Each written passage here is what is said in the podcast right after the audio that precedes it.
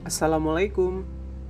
Untuk jiwa yang terluka, janganlah engkau perlihatkan kesedihanmu di sosial media, karena mereka hanya menambah kesedihanmu saja.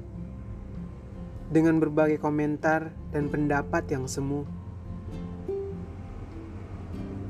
tuangkanlah resah dan kesedihanmu kepada zat yang memberikan solusi terbaik, hingga perasaan yang menjadi penghalangmu tak dapat berkutik. Aku tahu kita diciptakan berbeda, yang memiliki rasa yang tak sama, yang memiliki bentuk jiwa yang mungkin berlain arah. Tapi kita punya hati yang satu. Janganlah ragu bila ingin mengadu. Yakin semua masalah akan terselesaikan dengan hati yang tenang. Cobalah istirahat sejenak Jauhkan jari jemarimu dari tombol layar handphonemu.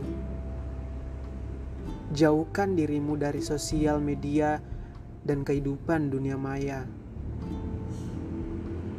Cobalah sejenak, mulai lihat di sekitarmu,